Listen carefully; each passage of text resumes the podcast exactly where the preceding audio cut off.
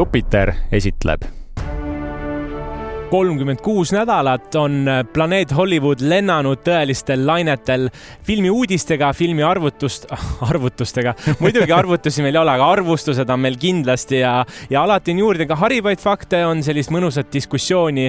aitäh, et olete meid kuulamas ja ka täna, ka sellel nädalal toome teieni neli valitud filmiuudist, kaks filmiarvustust ja Richard, mis teemad meil täna on?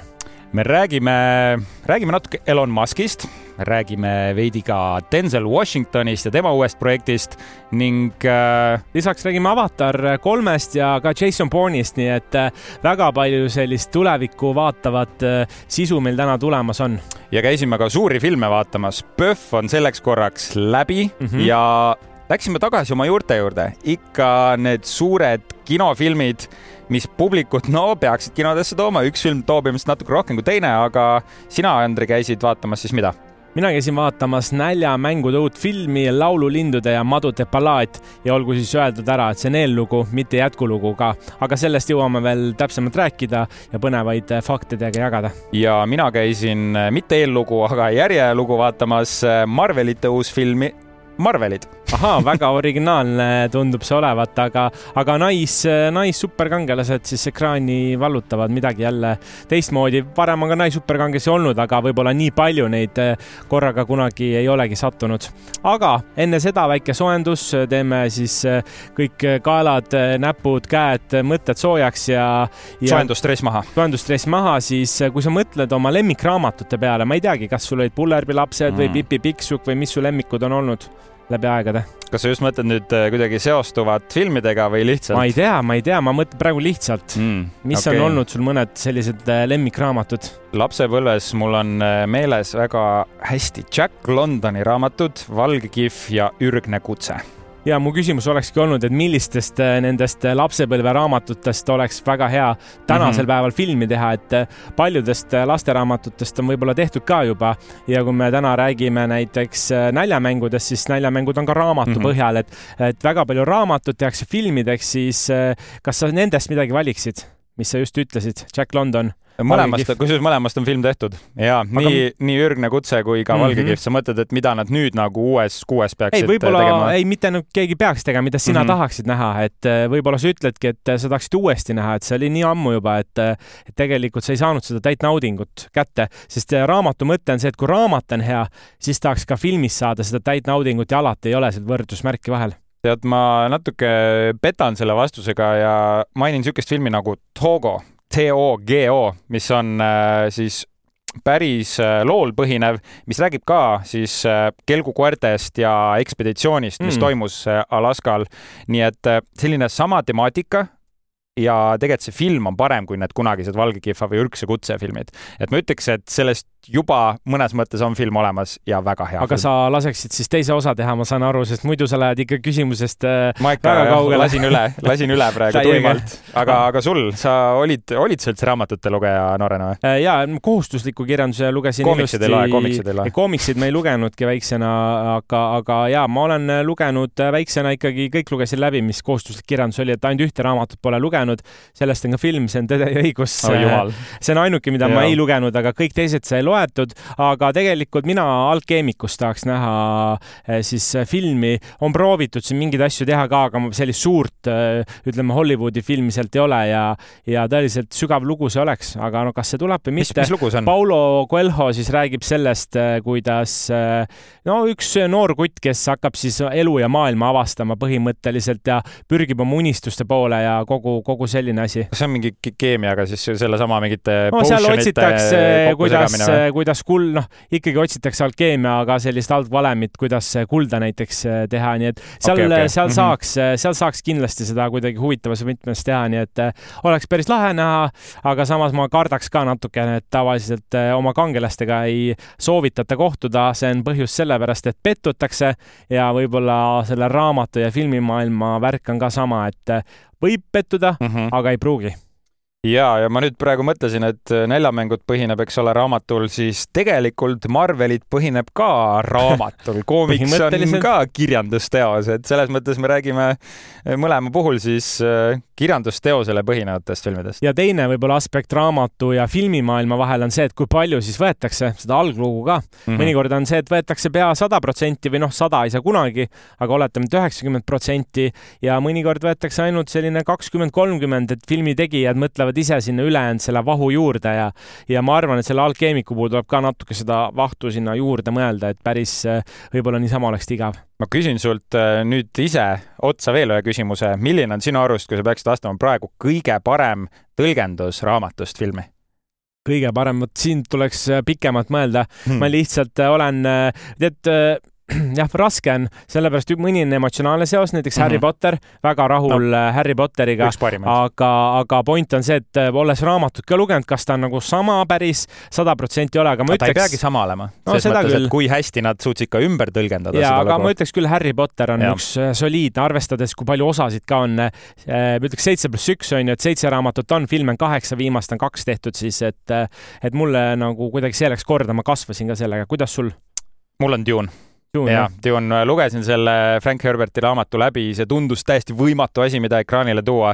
Denis Villeneuve suutis seda ja teine osa on tulemas. mulle tundub, et me räägime. Dune'ist, me räägime Dune'ist iga osa ah,. räägime, okei okay,, mul ei olnud meeleski, ma mõtlesin, et äkki sa kardad, et me räägime raamatutest, et äh, tegelikult ei ole raamatuarvastusi me siin Johanna ja nüüd ongi siit mõnus edasi minna nurka, kes teab, see teab, kus siis äh, harime teid ja harime ennast, äh, võttes siis filmiajaloost ühe põneva olulise fakti ja tuua, tuues see teie ette ja, ja ma arvan ka kaks järgmist märksõna, Richard, sulle ei ole võõrad, Tom Hanks ja Forest Gump mm. tuleb tuttav ette? ikka, Run Forest Run. no see on üks äh, legendaarsemaid filme üldse aastal tuhat üheksasada üheksakümmend neli siis see esilinastus ja, ja Tom Hanks siis peaosas, kes mängiski kes mängiski, mida ta siis mängis seal? Forest Gumpi. ta mängis Forest Gumpi, aga tema siis eriliseks oli see, et tema nii-öelda IQ oli üsna, üsna väike, seitsekümmend viis oli ja, ja ta mängiski võib-olla sellist inimest, kes poolearulist kõik, kõigest kohe ei saa aru, aga kes tegelikult maailma tajus mm -hmm. ikkagi lõpuks väga hästi ja kuus Oscarit ka võitnud, et et teinekord ongi selliseid ajaloolisi filme raske kokku võtta, aga minu jaoks ka selline filmiajaloo väga huvitav fakt, et kui seda filmi siis äh, tehti siis tegelikult äh, stuudio, kes seda sellel ajal tegi, tõmbas äh, raha kokku. Paramount oli siis mm -hmm. stuudioks ja Paramount ütles, et tead, et meil ikkagi nii palju raha teile ei anna ja tegelikult Tom Hanks äh, pani oma raha sinna alla ja tänu mm. sellele sai ta küsida protsenti, kasumiprotsenti, kui filmil läheb hästi, palju rohkem ja tänu sellele Tom Hanks teenis eh, hinnanguliselt kuuskümmend viis miljonit dollarit, mis on ühe näitleja kohta väga hea teenistus, aga olgegi siis teadlikud, et tegelikult eh, mitte ainult ei pannud Tom Hanks, vaid ka siis selle režissöör, filmi režissöör eh, Robert Zemeckis ja mm, -hmm. ja Tom Hanks panid mõlemad oma raha alla, et filmida siis lisavõttepäevasid ja teha sellest filmist see meistrid videos, mis see täna on?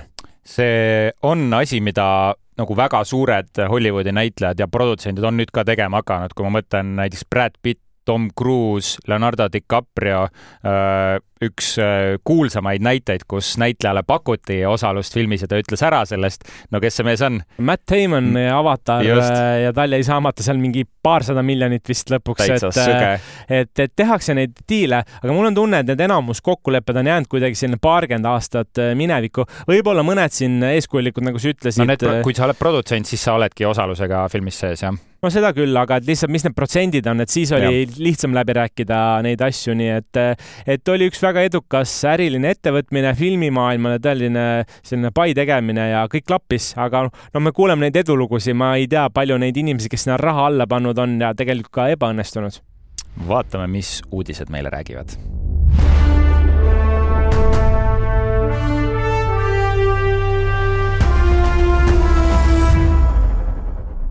ja uudistest äh, nagu ikka, Richard võttis kaks uudist, mina kaks uudist ja, ja ega me neid läbi ei arutanud, aga lihtsalt, mis meile tundus, mis filmimaailmas kõige põletavam on ja, ja nüüd, kui streik on läbi, siis ega neid filmiuudiseid tuleb ikkagi päris, päris ropult tuleb peale ja, ja mulle endale kõige rohkem meeldis see uudis Avatari kohta no sellepärast, et eh, no esimese ja teise osa vahel oli müstiline aeg, seda me teame, kas oli mingi, enam peast ei mäletagi, kümmekond aastat. kaks tuhat üheksa ja viimane tuligi nüüd selle aasta tähendab eelmise aasta eelmise aasta lõpus, detsembris tuli välja, nii et äh, arvutage ise, mis see vahe on ja, ja nüüd ongi hirm, kas Avatar kolm ka tuleb kümne aasta pärast või mitte. me teame, et asjad on filmitud ja nüüd James Cameron ongi andnud ametliku sellise teadaande, et, et ärge muretsege, film on siis järeltöötluses, mhm. post-production siis ja tegelikult praegu sihitakse kaks tuhat kakskümmend viis aasta talve.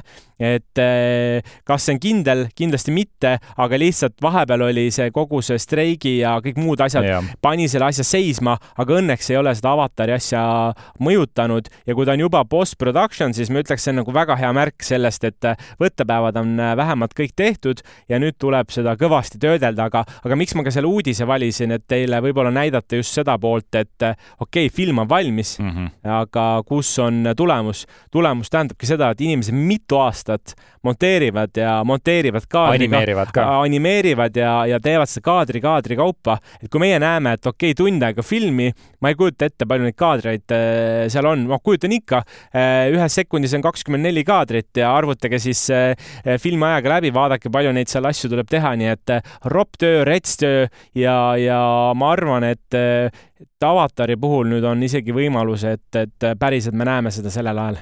Jah, kaks aastat, see tundub tõesti väga kauge aeg, ma lootsin, et sa ütled mingi varasema aja, aga see on äh, ma arvan, väga hea uudis kokkuvõttes mm, -hmm. sest äh, vaata, hästi palju räägitakse Marveli filmide puhul ka, et äh, need eriefektid on veidi kehvad, need lonkavad, need on mhm. kuidagi liiga siuksed arvutimängulised, kusjuures enam ei pea paika see võrdlus arvutimänguga, sest arvutimängud on nii heaks läinud, et paremad on ju. jah, täpselt, et aga ja siis äh, kunagi ma ei mäleta, kes see üks selline eriefekti spetsialist ütles, et ei ole olemas tegelikult halba äh, eriefekti spetsialisti on olemas lihtsalt liiga vähe aega ja see tamp ja see ajagraafik, mis stuudiod panevad, on liiga hull ja nad peavad kiiruga tegema. no praegu on Jaapanis suured skandaalid muideks sellega animat-, just Jaapani animatsioonimaailmas, sellepärast Jujutsu Kaisen, mis siin eelmine aasta võitis mm -hmm. erinevaid auhindu ja asju, neil on nagu see olukord, kus nad said äh, osa valmis tund aega enne eetrit ja see oli poolik, see läks eetrisse mm -hmm. ja mina vaatasin ka selle ära, ma, ma alguses ei teadnud, ma mõtlesin, et miks see nagu selline on,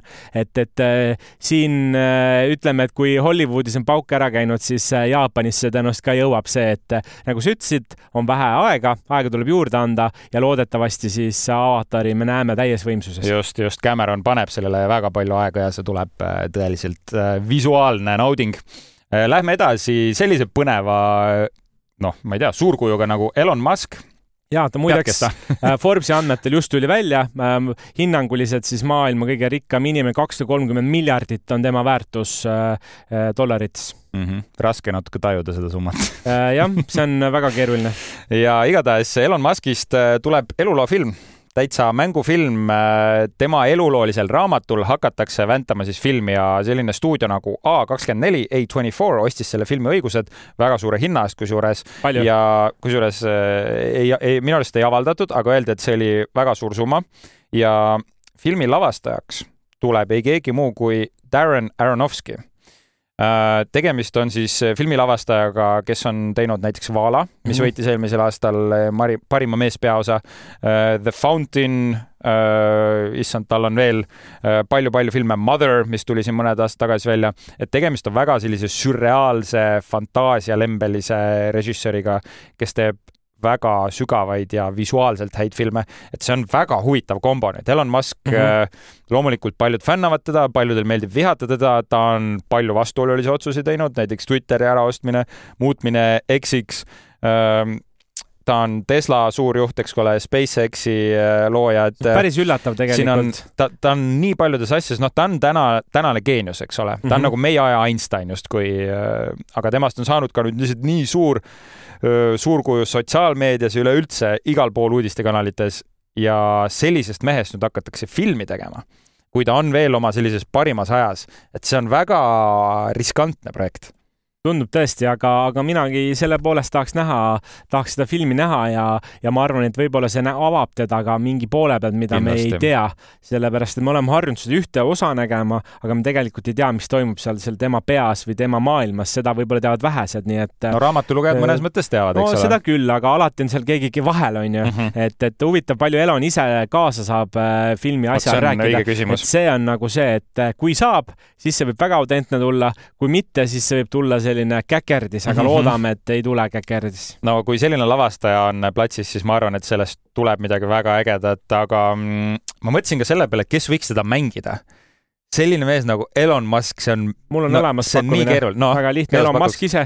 vot see oli, see oli tegelikult üks äh, isegi spekuleeritav inimene. on olnud on, äh, erinevates filmides, ta on näiteks Ironmanis olnud äh,, Ironman kahes oli näiteks, tegi väikse rolli ülesaste ja, ja tegelikult suurtes filmides äh, nii-öelda cameona või ja. lisanäitlejana on ta olnud ikkagi, jah ja, ja mõned näitlejad veel, kes mul nagu läbi käisid, et noh, tema puhul see peab olema mingi väga selline eesti, inglise keeles on hea sõna cerebral ehk siis nagu ülimalt selline intelligentne, kõva karismaga, samas väga omapärase välimusega. kui nüüd väga mõelda noorte, kui mõelda nüüd nagu noor, noorema näitleja peale, et me näeme no, natuke Rami Malek on äh, üks, kes mulle esimesena nagu pähe tuli. üks, üks populaarsemaid ja siis, kui ma mõtleks nüüd vanema Elon Musk'i peale, ma ei kujuta ette, kuidas see võiks toimuda, siis minu arust Nicolas Cage oleks väga Ai, põnev valik.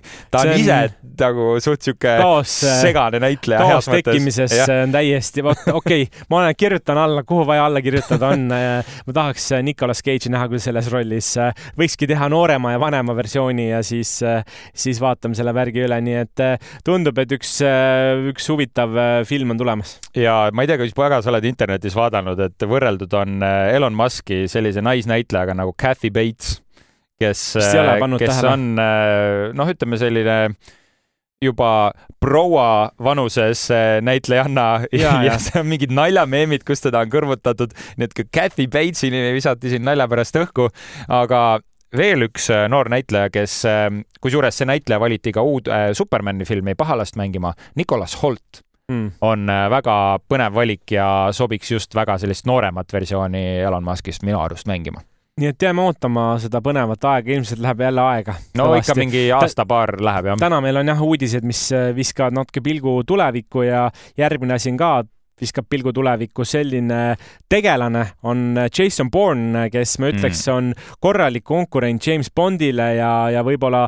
teistele sellistele action tegelastele, kes kehastavad spioone ja Jason Bourne'i sellist saatuse üle on ikkagi arutatud äh, päris pikalt. Matt Damon mängib teda muideks, olgu ka siis äh, öeldud. uuesti või? Äh, ei, ma ütlen praegu, et kes muidu ah, teda jah, mänginud on ja kokku ongi varasemad siis meil viis filmi viis Jason Bourne'i filmi ja, ja ma ütleks, korralik seeria on tehtud, esimene linastus ka aastal kaks tuhat kaks, siis oli kaks tuhat neli, kaks tuhat seitse, kaks tuhat kaksteist ja kaks tuhat kuusteist, nii et äh, nüüd on siin oma seitse aastat äh, vahele jäänud, aga, aga ikkagi on saadud kuidagi õiged tähemärgid paika, sellepärast et sellise filmi lavastaja nagu All Quiet on the Western Front, kes mm -hmm. ka nomineeriti Oscarile nüüd Äh, sellel aastal, nojah, eelmise äh, aasta filmile just, sellel aastal siis äh, nimeks Edward Berger on öelnud, et tema tahab seda teha, tema on äh, sule juba kätte võtnud ja ta on ka tegelikult hakanud rääkima Universaliga, kes on siis selle projekti omanik, et äh, ja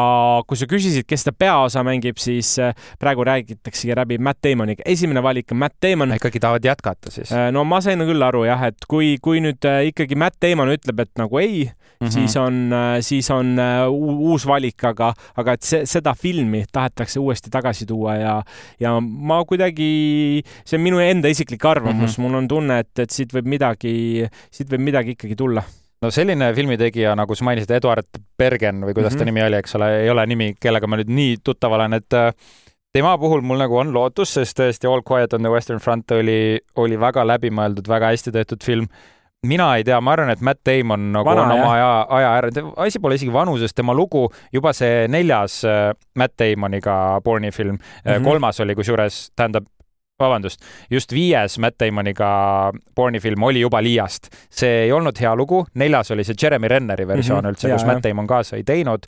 et mina nagu pigem ütleks, et jätkake Jeremy Renneriga seda lugu ja tehke sealt edasi, sest see Matt Damoni Jason Bourne noh, see on nii ära tehtud, see on juba ära mängitud ja mm -hmm. natuke nagu mutta taotud tead, võib-olla ise ka ta kuidagi tajub ära, mees on juba viis, viiekümne kolme aastane, mitte mm -hmm. et ei võiks teha spioonifilme viiekümne kolme aastaselt, ärge saage valesti aru. ma arvan lihtsalt, kui ühte tegelast on piisavalt kaua tehtud, et siis võib-olla ise ka tekib selline küllastus, et äh, tegid umbes kakskümmend aastat tagasi sama rolli ja nüüd hakkan uuesti tegema. no ei tea, võib-olla on tehtud häid ka, häid filme ka sellises võtmes, aga kui sellist noort ja värskust mm -hmm. tahta, siis va võib vabalt anda siin võimalusi uutele tegijatele, nii et vaatame vaatame, mis ta ütleb ja võib-olla ütleb, äh, tulen produtsendiks teile sinna, andke mulle väike protsent ja ja teeme selle värgi ära. aga üks Hollywoodi suurkuju on äh, võtnud siis no originaalsema projekti omale sihikule ja Denzel Washington on mängimas sellist suurkuju nagu Hannibal ja tegemist ei ole Hannibal Lecteriga, vaid Carthago kindrali Hannibaliga, kes ta mainiti ka Gladiatori filmis, kus siis ähm, Carthago võitles Rooma impeeriumi vastu ja Hannibal on selline kuulus äh, ja meeletult võimas sõdalane, kes sõitis siis lahingusse elevandi seljas. Ja ta on niisugune noh, ajaloos justkui nagu selline no eestlaste jaoks niisugune nagu Kalevipoeg, eks ole mm, -hmm. hästi oluline kuju, aga ta oli, ta on ikkagi päris tegelane selles mõttes ja ammu on olnud see Hannibali lugu Hollywoodi äh, siis sihikul, jah. sihikul jah, et nad on tahtnud seda kuskil kakskümmend aastat juba teha. Vin Diesel on olnud mees, kes on ammu-ammu soovinud selle projektiga ennast siduda. ei tea, kas ta nüüd äkki kuidagi kaasa teeb, aga Denzel Washington ja Antoine Fuqua on siis viiendat korda, sorry, kuuendat korda võtmas äh, ühist projekti, et äh, varasemalt on nad teinud siis sellised filmid nagu Training Day, Magnificent Seven ja kõik Equalizeri kolm filmi. et äh, selle mehe ja selle režissööri keemia on väga hea ja sealt on tulnud ainult häid filme, nii et vaatame nüüd, kuidas Antoine Fuqua saab sellise ajaloolise filmiga hakkama. minu teada ta tegi kunagi Kuningas Arturi filmi, mis oli selle mm -hmm. Clive Oweniga ja nüüd proovivad Denzeliga midagi sellist teha ja Denzel on lahe, Denzel on lahe no,. No, kui, on kui ta Equalizeris ka just siin sellel aastal oli, siis ma mõtlesin ka, et temas on seda vurtsu veel, et mm -hmm. tahaks rohkem teda näha, et ma ei tea, kuidas ta nii hästi mõjus, aga ta mõjub rahustavalt, samas ohtlikult, samas kõik teised asjad veel peale, nii et ma ütleks, tal on küll veel meile anda, nii et las annab meile täiega ja seda ka ilmselt näeme alles siis äh, mõne aasta pärast. aga nii on, selles suhtes, et me peamegi mõistma, et me oleme tulnud välja mitmest suurest filmi äh, ajalookriisist, ma ütleks mm, -hmm. üks oli koroonakriis, mis pani äh, nii-öelda põntsu ja mida tulemust me naudime praegu alles, ehk siis ei ole võib-olla, noh, filme on, aga võib-olla ei ole nii palju, kui oli varem neid mm -hmm. häid asju ja teine asi on see, kogu need streigid Just. ja, ja nüüd võtabki paar aastat, võtab ju aega, et see taastuda. see jällegi ei tähenda, et midagi ei tule, aga lihtsalt võib-olla ei tule nii palju, kui me oleme harjunud ja eks kinokülastajad ka seda äh, natuke mõistavad ja, ja eks siis nad jagavad oma tähelepanu mujale nii kaua, ootavad, nagu meiegi. Ja sellega olemegi uudiste osa kokku võtnud ja läheme selle kõige magusama osa juurde, milleks on nädala nael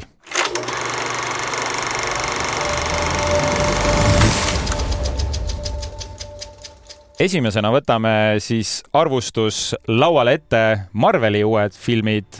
ma tahan aeg öelda Marveli uued filmid, Marveli uue filmi Marvelid no eks see ongi, eks ongi segadust tekitav, et eh, kui see on Kapten Ameerika veel, paljudel läheb see segi Kapten mm. Marveliga onju, et see segapundar, kes on mis, on päris keeruline, aga ma arvan, üks sõna on väga lihtne. Brie Larson, eh, naispeategelane, kes eh, seda asja veab, et mina olen enda jaoks mõelnud nii, niimoodi, et Marvel võrdub Brie Larson, muidu mul läheb sassi, muidu on mm -hmm. Kapten Ameerika jälle onju, et, et see on nagu isegi filmifännil võib täitsa pea sassi ajada aga miks neid mitmuses on, äh, The Marvels ja Marvelid, ongi siis äh, Captain Marvel äh,, Monica Rambeau ja Miss Marvel, kolm tegelast kes on siis justkui nagu selliseks mini Avengersi tiimiks tehtud filmi lavastajaks Nia de Costa.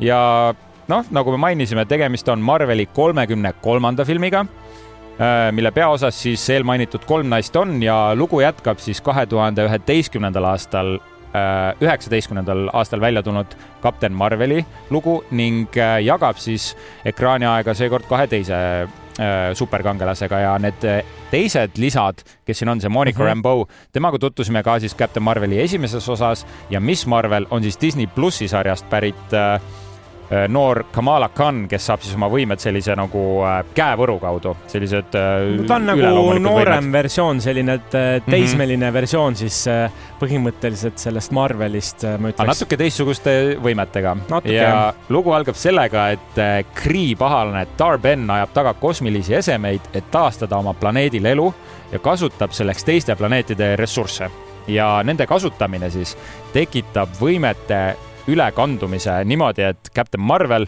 Monica Rambeau ja Miss Marvel hakkavad kohti vahetama iga kord, kui nad vahet va,, kasutavad koos oma erivõimeid. Mm.. ehk siis põhimõtteliselt hakkab selline igavene segadus, nad hakkavad eh, teleporteeruma ühest kohast teise ja kui nad lõpuks noh aru saavad, eh, mis toimub, siis loomulikult nende plaan on peatada Darbenni ja tema plaane ning nad peavad selleks koos töötama. Nad ei ole, eks ole, varasemalt eh, noh, koos töötanud sellisel mm -hmm. kujul, et mhm. Monica Rambeau on siis see väike tüdruk, kes oli seal Captain Marveli filmis, kes on nüüd suureks kasvanud päris, päris palju infot, ausalt öeldes läheb endalgi pea segi, aga, aga mis ma siit kaasa võtsin, kolm peategelast, üks on kaks täiskasvanud naist, üks noorem mm -hmm. ja kõigil on võimed ja mm -hmm. filmi, ma saan aru, point on see, et omavahel nad vahetavad justkui võimete mõttes kohti, et võimed ja. liiguvad edasi. kusjuures nad ei vaheta võimeid, nad vahetavad asukohti, et näiteks Aa, kui okay. Captain Marvel on ühes kohas, Monica Rambeau on teises, nad kasutavad korraga võimeid, siis nad kasutavad, vahetavad, teleporteeruvad. ahaa, vot mina mõtlesin ka alguses, et nad hakkavad võimeid vahetama,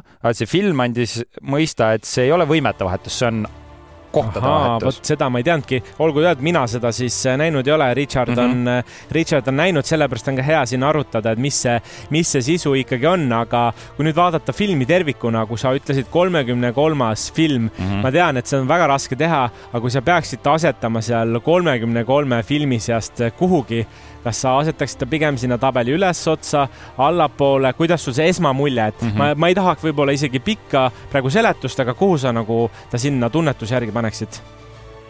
noh, kolmkümmend kolm. kolmkümmend kolm, lausa nii jah, aga okei okay,, kolmkümmend kolm, äh, ära ütle praegu midagi, ütle mm, -hmm. mis sulle selle filmi puhul äh, meeldis kõige rohkem, mis äh, kuidagi pani sind mõtlema ja silma särama mulle meeldis väga nende kolme tegelase omavaheline suhtlus ja selline naljatlemine, see, kuidas just see nende kohtade vahetus tekitas sellist mängulisust ja mis äh, oli üks ägedamaid stseene seal filmis, oligi esimest korda, kui nad hakkasid neid kohti vahetama mm -hmm. ühe võitluse jooksul.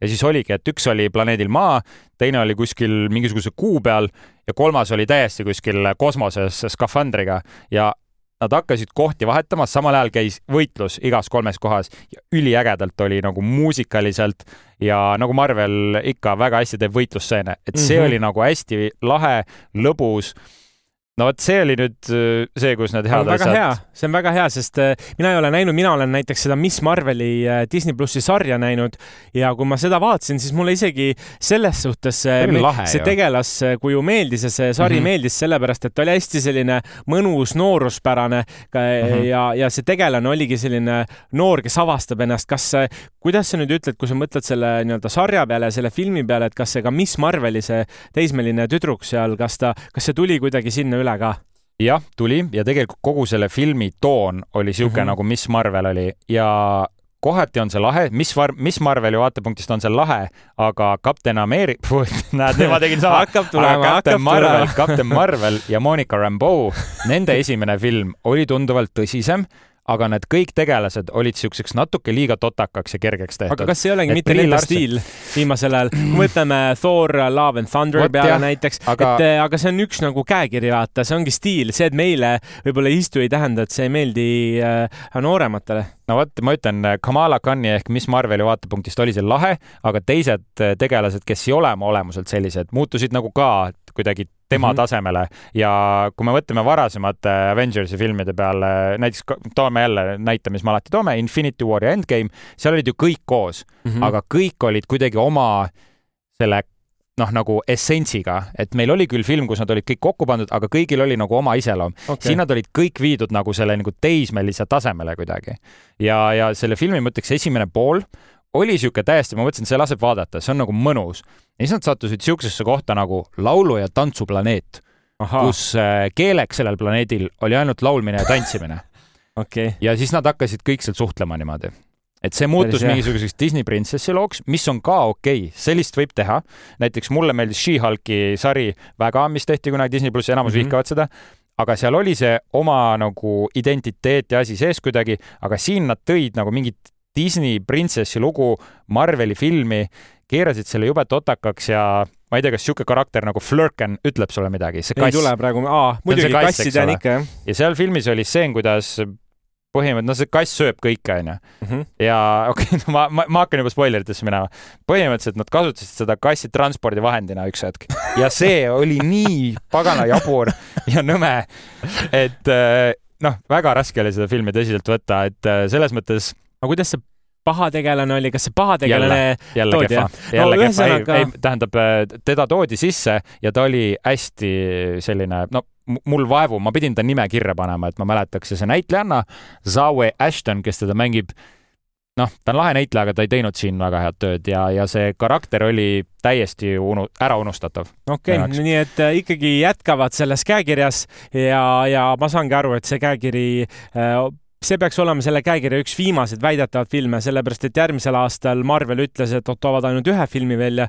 selleks on äh, Deadpool, Deadpool kolm. ja mis on täitsa teistsugune Marveli film. mis on täiesti teistsugune, nii et vaatame, võtame praegu rahulikult äh, sellega ja, ja ma saan aru, et pigem, pigem on see nooremale sihtrühmale. aga kellele sa soovitaksid seda? ma ütlen ausalt, see film äh, loo osas väga midagi edasi ei vii see võib-olla seob kokku mingisuguseid vanu lugusid, mis ei vajanud kokkusidumist, aga milleks see oluline on, on, et äh, selle filmi see lõputiitrite stseen, see nagu annab lootust, et okei okay,, lõpuks on äh, aeg edasi liikumas ja me võtame midagi uut ette. et selles mõttes äh, ma soovitan, tähendab, ma ei soovita seda filmi ei, ei sõbrale, ei vennale, ei vanaemale. lihtsalt vaadake ära see post-credit stseen ja te saate aru, mis sealt edasi peaks tulema aga ma tahaks öelda seda, et mul, ma tahtsin, et see film oleks parem, kahjuks ei olnud. No siis on niimoodi, siis ma pean, pean mõtisklema, kas ma lähen vaatama, mul on kuidagi see, et ma alati olen kõiki, kõiki, kõiki neid vaadanud, aga ma võib-olla natuke ootan siis äh, sellega, sest sa ju ütlenud, et Andrei, mine vaata kindlasti no,. tõesti, ma ei olnud jah. Äh, ma natuke, ma natuke ootan, aga ma luban, ma kindlasti vaatan selle ära, aga, aga selle eest äh, ma võin teile juba öelda, et järgmine film, millest me kohe räägime, milleks on Näljamängud, laululindude ja madude ballaad, siis mul golv tõmbas see küll korraks äh, karbi lahti, aga, aga miks ja kuidas ja kas Richardile ka meeldis, äh, sellest kuuleme siis kohe. enne teeme väikse sisututvustuse, millest see üldse räägib ja, ja kui me oleme harjunud nägema Katniss Everdeen'i ja tema siis äh, seiklusi Jennifer Lawrence'i näol, siis see ei ole see film nüüd. see film on kuuskümmend neli aastat enne üldse seda meie eelmise näljamängude toimumist. me läheme ajas tagasi, tegu on eellooga ja tegu keskendub siis sellisele tegele, tegelasele, tegelasele nagu äh, Cornelius Snow, keda me siis muidu teadsime sellise türann presidendina mm -hmm. sealt aga see eellugu siis räägibki ja põhineb muideks Susanne Collinsi kahe tuhande kahekümnenda aasta raamatul ja tegu on siis kuuskümmend neli aastat enne neid Katniss Everdeen'i seiklusi ja sündmusi ja düstoopiline Panemi nimeline maailm, kus riik on jagunenud kaheteistkümneks erinevaks piirkonnaks, alluvad endiselt Kapitooliumi võimule ning äh, allutavad eelneva sõja tagajärjel diktaatorlike võimule aga mis seal ikkagi see asi on, toimumas on kümnendad äh, näljamängud ja tahetakse seda asja edasi arendada ja ma ütlekski, et ähm, äh, korra siia täiesti põike mõtte vahele, et äh, miks see on oluline, sellepärast et ta avab kogu selle näljamängude olemuse mm. -hmm. et kui keegi nüüd loodab, et see on üks-ühele seesama mida me nägime muidu, et on näljamängu, näljamängud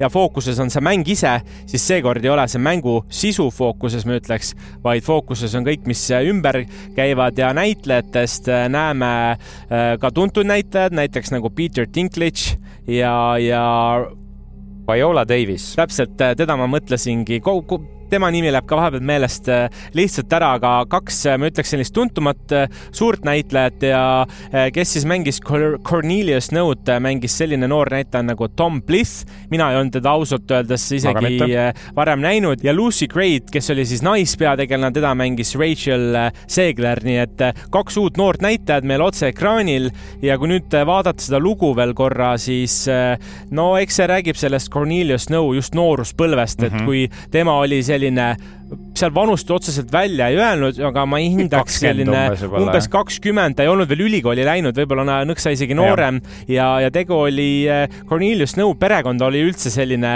sõjaväelik eh, perekond, ta isa oli sõjaväelane, ta oli ka tunnustatud selline auisik mm -hmm. seal eh, pealinnas. ja, ja tegelikult oligi see, et isa oli surma saanud ja alles siis oli jäänud poeg tütar ja vanaema mm -hmm. ja, ja nemad tegid sellise perekonna seal ja Cornelius Snow oli siis äh,, oli see, kes hakkas perekonna au päästma mõnes mõttes. Snow. Coraline Cora, meil on okay., meil on täna väga rasked nimed ja see on väga täiesti aus, see on täitsa aus viga. aga, aga tegelikult siis eellugu rääkiski sellest, kuidas äh, härra Snow proovis siis äh, oma perekonna au taastada ja ma ütleks äh, ära kohe, et see film jagunes minu jaoks kaheks, et seal oli ise ka nagu eraldatud. isegi kolmeks peatükiks. jaa, seda küll mm, -hmm. aga mhm. mina jagaksin isegi kaheks, et mm -hmm. ma mhm. ütleksin selline, selline nii-öelda eluga võitlemine ja, ja siis äh, pärast elu juba tagajärgedega tegelemine ja, ja ma ei tea, mis esmamuljed sul tekkisid seda filmi vaadates? Äh, esmamuljed kusjuures olid üsna kehvad, aga nüüd, kui ma nagu tagantjärele mõtlen juba järgmisel päeval, siis äh, minu arust selles filmis oli palju head mulle väga meeldis ja mulle meeldis just sellepärast, et tas oli tempot tas oli mõnusad action'id ja tas oli mõte, et minu jaoks see terve film sümboliseeris seda, et, et inimolemust, et kuidas inimolemus näeb välja, sest tegelikult äh, härra Snow on äh, vähemalt noorena ta oli südamest äh, väga hea, kui me näeme mm -hmm. teda järgmistes filmides, siis ta on selline juba türanlik, kuidagi paha, paha nagu no. rõveda mulje, jätab manipula-, mani-, manipulaatori mulje, aga seal filmis vähemalt äh, küll jätab ta sellise väga südamliku mulje ja see näitleja, kes teda mängib, Tom Bliss, Smith ja, ja Rachel Seegler, kes on tema siis partner seal, nendevaheline keemia on ka lihtsalt selline super, et ma veel vaatasin eraldi neid intervjuusid, kus nad kahekesi on ja lihtsalt see, kuidas nad läbi saavad, minu meelest tuleb ka, tuleb ka seal välja. Ja kuidas siis Coriolanus Snow ja siis Rachel Zegleri karakter üldse kokku satuvad, ongi see, et esimest korda nendele ülikooli siis nagu õpilastele määratakse need näljamängude osalejad, kelle mentoriks nad peavad hakkama.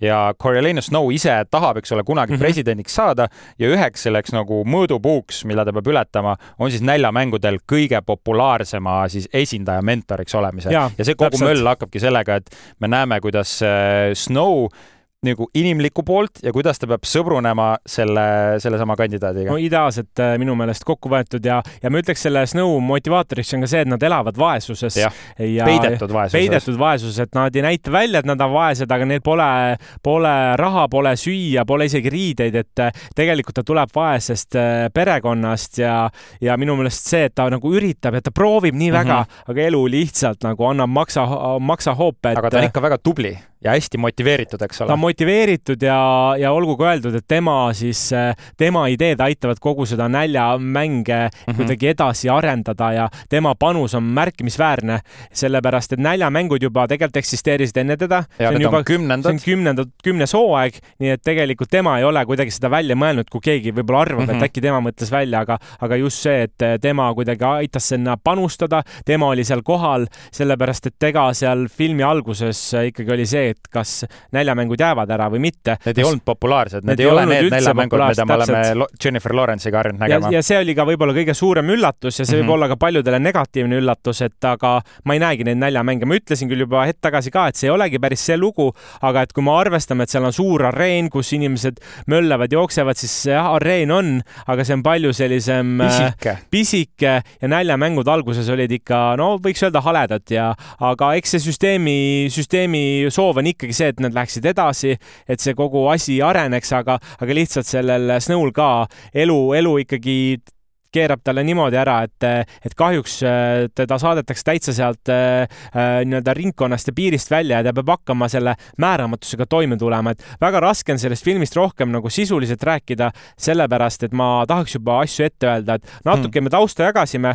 aga noh, see, see on juba ilmselge ja mingid asjad on ka järeldatavad juba järgmistest filmidest, aga kui ma vaatasin veel, mõtlesin ise eile selle peale, vaatasin arvustusi, siis minu jaoks jaganes see täpselt nagu kaheks. ühed, kes ütlesid, et nagu see on parim asi üldse, et see on väga tõene raamatule mm, -hmm. nagu ma ütlesin, raamat kaks tuhat kakskümmend tuli välja ja teised, kes, kellele üldse ei meeldinud ja üks põhjus, ja ma tahan teada, kas oli sul ka sama põhjus, oli see, et äh, filmis oli palju laulmist. kas see sind kuidagi? see oli parim osa selles filmis ah,, see jah? peaaegu päästis minu jaoks selle filmi ja see oli nii kihvt. Rachel Zegler, kes sai kuulsaks siis West Side Story mm -hmm. peaosa mängides, kus äh, ta ka näitas väga head lauluhäält ja selles filmis oli see tõesti, ka varasemates näljamängude filmis, vaata, oli see viis, mida see Katniss laulis see tõ-tõ-tõ-tõ, et eks ole, siin oli see palju rohkem edasi viidud, ta oli nagu folkstaar, kes mängis kitarri, see oli lahe ja see näitas äh, minu arust seda Lucy Gray tegelaskuju, kes oli nagu sõõm värsket õhku selles filmis. jah, minu, mulle ka mõlemad peategelased äh, väga meeldisid, aga kui sa mõtled, mida sul, mis sulle ei meeldinud seal, siis mis sa ise välja tooksid? no selle filmi nimi on ikkagi Näljamängud ja mina tahan näljamänge. ma Tahad, tahan, ma, ma tahan, et üks osa selles oli ja mulle selles mõttes meeldis, äh, et see film oligi, mingi osa oli pühendatud nendele näljamängudele, loomulikult need ei olnud veel nii välja arenenud, neil polnud neid vidinaid mm, -hmm. neid äh, loomi, kes maast välja kerkisid, vaid see oli ka algeline ja see Viola Davise karakter oli siis see mängude master nii-öelda, kes jah, tekitas ja mõtles neid äh, veidrusi seal välja, aga see oli, see oli veidi liiga selline lihtne primitiivne minu jaoks. aga mida ja... sa oleks siis oodanud sealt? no ma oleks tahtnud, kui sa ei saa siis meile nagu tehnika ja vidinatega näidata, tee siis veidi brutaalsemaks tee nagu mingisuguseid ägedaid äh, siis relv, noh, seal oli ikka külmrelvad põhimõtteliselt ainult, näita mm. mingeid ägedaid võitlusi, kuidas see toimub. et jah, seal oli see nagu gruppideks jagunemine ja veidi, kes pidi võitma, kes pidi kaotama, aga see ei pakkunud närvikõdi, see ei pakkunud pinget, ma kuidagi teadsin nagu ette, mis seal juhtuma hakkab. vot see ongi see, et me tegelikult oleme tulevikku näinud, me mm -hmm. teame, et näljamängud on ju jätkunud ja isegi veel paremaks läinud, nii et me natuke teame ette, aga miks mulle see võib-olla kõige rohkem meeldis, oligi, ma, ma ei tea, võib-olla ma kordan ennast, ma kuidagi täna on raske sõnu seada, aga ma ütlen ära, et see on mu selle aasta üks lemmikfilme, kindlasti top kolme filme wow., sellepärast et mulle meeldiski see, et ta oli mõnes mõttes, oli seal selline lihtsus ja võlu, samas oli selline sügav sügavus äh, just selle idee näol ja, ja, ja tegelikult äh, kogu see ka lõpp oli nagu väga arvestatav. Mm -hmm. ja, ja kui vaadata, et äh, et siis äh, raamatu põhjal tehtud, siis ma tahaks loota, et äh, äkki tuleb veel mingid raamatud. Ja ma ei tea, kas see on eellugu, võib-olla see on jätkulugu, aga tegelikult siin universumis on nagu potentsiaali veel, et see universum on nagu suur ja, ja kui tahta, siia mahutaks veel mingid osad vahele jah, no ma ütleks, kõige tugevam äh, osa nende filmide puhul olid need tegelased ja need näitlejatööd, aga see nagu lugu, kuhu nad pandi, ei olnud nii kaasakiskuv ja mm, -hmm. Ja ma isegi ütleks, et selle filmi nagu see pikkus, ta oli kaks tundi ja kolmkümmend kaheksa minutit pikk, eks ole, ja kui sa arvad, et see film nagu normaalses kohas peaks mm -hmm. see mhm. film lõppema, siis nad nagu jätkavad veel kuskil nelikümmend viis minutit, mis oli nagu huvitav, mulle pakkus, ähm, noh, see, oligi nagu midagi sellist originaalset, aga ma ei saanud päris täpselt lõpus aru, miks äh, siis see Lucy Gray ja Coriolanus Snow nagu, miks need teatud pinged ja kuidas siis see Coriolanus muutub järk-järgult rohkem selleks kurjaks presidendiks, kes ta nagu lõpuks on. no see ei ole spoil imine, me teame, milliseks ta muutub, et seal no, oli, seal oli väga vastata, aga ma arvan, et kui ma hakkan, kui ma hakkan vastama, siis äh, ja. see on liiga spoiler, aga me võime sellest omavahel pärast rääkida. see sest... jäi, aga see jäi õhku, sa tead, mis mõttekohta ma mõtlen, kus mm -hmm. nad on mhm. metsas ja siis midagi juhtub ja siis nagu justkui jäetakse mingid asjad ja. õhku ja ma ei saa aru, mis aga, seal juhtus. ma ütlen niimoodi, et kes seda nüüd vaatama läheb, sõnademäng, jälgige lihtsalt, mida nad, äh, mida nad väga täpselt seal ütlevad, sellepärast et ma muideks ise ka igaks juhuks veel pärast äh, filmi käisin läbi selle lõpu mm -hmm. ja tahtsin näha, mis see raamatuga nagu võrdlus on, et kas seal on erinevused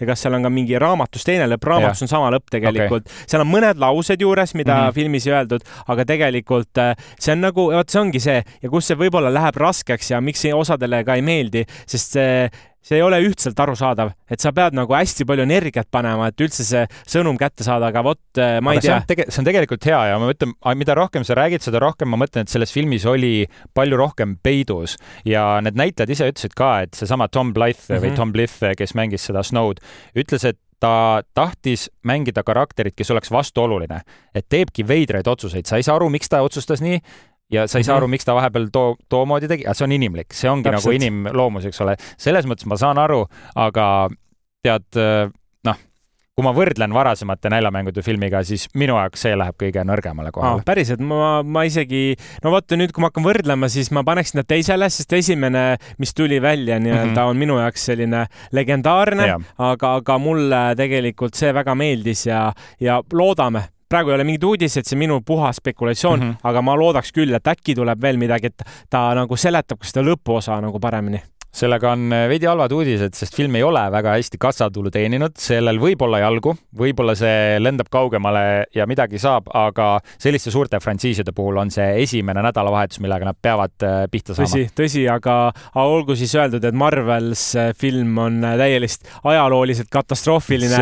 Nad peavad teenima seitsesada miljonit tasa, nad on praegu kakssada teeninud ja suuremad nädalad on olnud, nii et eks me jõuame rääkida, kas sellest tuleb ajaloo kõige suurem nii-öelda ümber ümberpööre rahalises mõttes kaotus või mitte, no ei oska veel öelda, aga, aga raha mängib jah. aga kui nüüd küsida, kellele soovitada, mina soovitaksin seda, ma ei tea, oma sõbrale äh, või, ja võib-olla ka oma, ma ei tea, vanemale, äh, näiteks vanaemale võib-olla mitte, aga, aga mõnele, ma ei tea, viiekümne aastasele mehele ka vabalt, nii et võib-olla noortel on raske täpselt mõista seda sisu, aga mine tea, igaüks saab ise otsustada, mida ta teeb ja kas ta vaatab seda ja niimoodi olemegi nädala naelad äh, kokku võtnud. Äh, meil on täna natuke pikem osa, mulle meeldib see, tead, äh, jutt, jutt lippab ja no,. ma siin ikka täna laperdasin päris palju, ma ei tea, kuidagi mul oli peas see nagu, on see mõte sellest filmist ja ma ei oska, nii nagu seal filmis võib-olla ei osatud seda nii hästi välja tuua, nagu ei tule mu seest see välja. tuleb, tuleb, ära muretse. tuleb magada veel kõik on hästi ja meil on kõige olulisem koht veel ees ja selleks on loomulikult Jupiteri nurk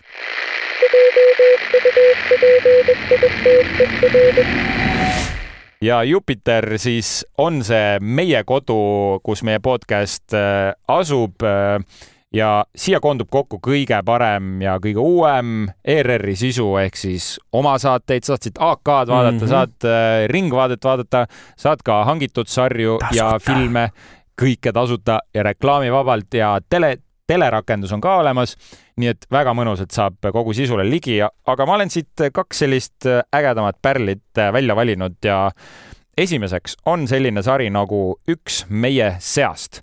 see on siis draamasari, mis räägib seitsmeteistaastasest Victoire'ist, tegemist on siis prantsuse sarjaga, kes oma venna tõttu satub eriliste lastekooli aga seal koolis on koos ka tavalised noored ning siis puuetega noored, et see on niisugune nagu no, kooslus, kooslus, eks mm -hmm. ole. ja Victoire'il on äh, väga raske, ma ütlen Victoire, sest tõesti ta nimi ei ole Victoria, see on millegipärast Victoire mm. -hmm. tal on väga raske sinna uude keskkonda sobituda, ta ei saa seal kellegagi väga läbi, tal on endal ka selline noh, selline võib-olla nagu ülbe teatud selline kõrgsuhtumine teiste osas ja siis ta satub sellisesse väga woke kooli äh, ja seltskonda, kus siis kõik on justkui koos ja ühtse sellise tervikuna toimiv. aga siin filmis äh, või sorry, siin sarjas on väga palju musta huumorit ja eriti värskendav on just see, kuidas äh, need äh, erivajadustega noored ise enda nagu selle olukorra üle nalja teevad mm. ja kuidas nad nagu õpivad elama läbi selle huumori ja olema rahul sellega, mis neil on, et see ei ole selline nutukas, et nüüd oi, meil on nii halvasti ja meil on nii raske, vaid me näeme, kuidas need inimesed elavad ja kui äh, kui palju sellist helgust ja nalja neil on. väga lahe, sellepärast näljamängudes oli ka üks erivajadustega noor sinna sisse toodud ja, ja minu meelest on väga hästi ja väga maitsekalt neid äh, noori nii-öelda pandud näitlema sinna ja kuidagi täiendab lugu ja, ja ma ei ole seda sarja näinud, mida sa soovitasid mm, -hmm. aga, mhm. aga mul ka tunne jälle see maitsekus on äh, siin olemas üli, ülihea maitsekus ja tõesti sellised äh, piiripealsed naljad, aga kunagi ei lähe üle piiri ja see on selline sari, mida soovitaks nii äh, vanaemale kui väiksele vennale ja kõik, mis sinna vahele läheb no,, et see on tõesti igasse vanuseklassi. aga mis Jupiteris veel head on? üks äh, selline tõsisem ja rahulikum ja kunstilisem draamafilm, ma näen, kuidas Andril hakkab siin silmad sära hakkab kaduma aga ära muretse.